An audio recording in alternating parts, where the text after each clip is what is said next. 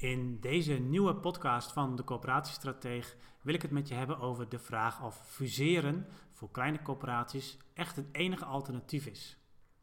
Mijn naam is Ritske Dankert en ik zie dat veel kleine coöperaties worstelen met die vraag en daarom wil ik in deze podcast een aantal alternatieven met je bespreken.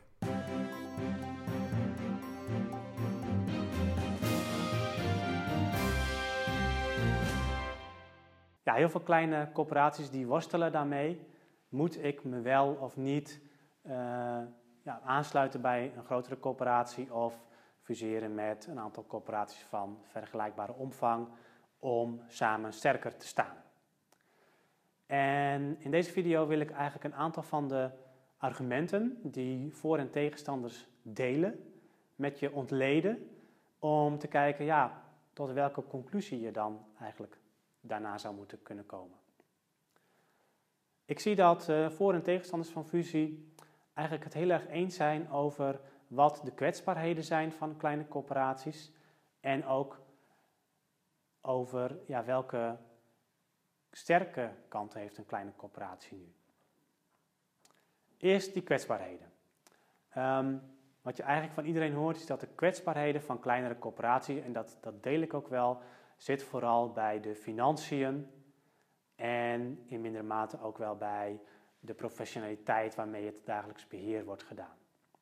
Maar vooral bij de financiën en het opleveren van verantwoordingsinformatie, dat is iets wat ook heel snel wijzigt door nieuwe regelgeving en wat lastig te borgen is in een kleine organisatie.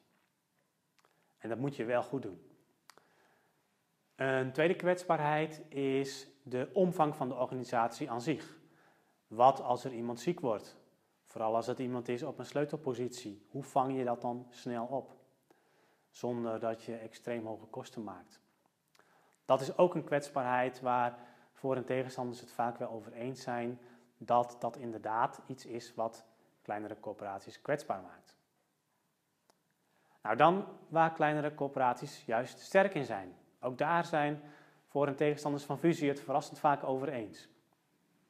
De uh, benaderbaarheid wordt dan genoemd, maar ook het inzicht in wat er speelt in het werkgebied. Hè, vaak een dorp of een, wat grotere kern of uh, een wijk of zelfs een gemeente.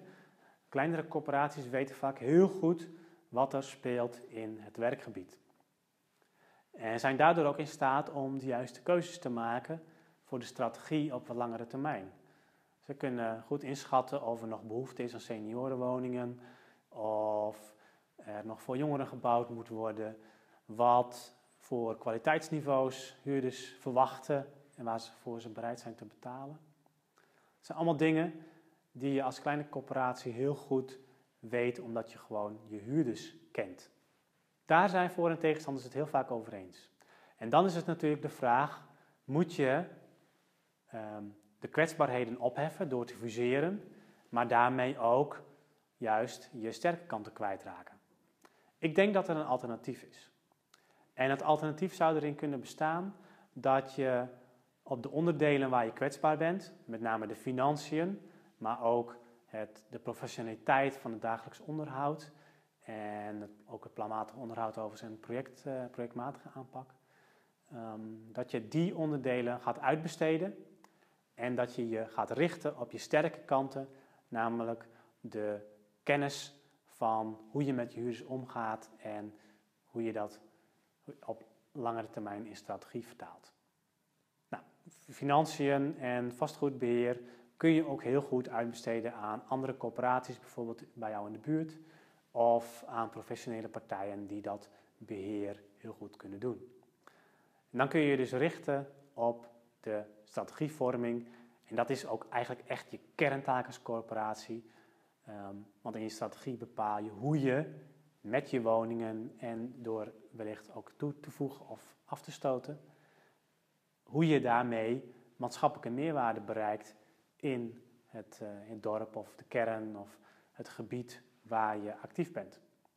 He, moet je bijvoorbeeld de huren lager houden of moet je bijvoorbeeld bepaalde onderhoudsniveaus handhaven?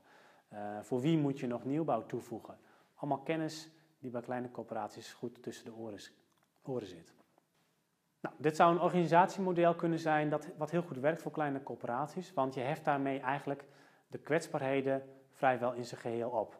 Uiteraard hou je dan het probleem tussen aanhalingstekens dat je een hele kleine bezetting hebt, maar omdat je de taken die echt urgent zijn of een piekbelasting kennen, zoals financiën of dagelijks onderhoud, hebt uitbesteed, heb je daar eigenlijk minder last van. De strategievorming, ja, dan is het wat minder erg als er een keer iemand een week ziek is. Als je in 2030 gaat terugkijken over de strategie die is ontwikkeld voor dat jaar en hoe het er dan op dat moment bij staat, dan maakt het eigenlijk niet zoveel uit of die strategie nu is ontwikkeld in 2015, in 2016 of in 2017. Het gaat erom dat je op langere termijn in staat bent om je kennis van de huurders om die om te zetten in strategie. En dat is juist iets waar kleine corporaties heel goed in zijn. Bedankt voor het luisteren naar deze podcast. Wil je nieuwe afleveringen ontvangen? Abonneer je dan op deze podcast. En kijk ook eens op onze website corporatiestratege.nl voor meer praktische tips en downloads die jouw werk als corporatiestratege makkelijker maken.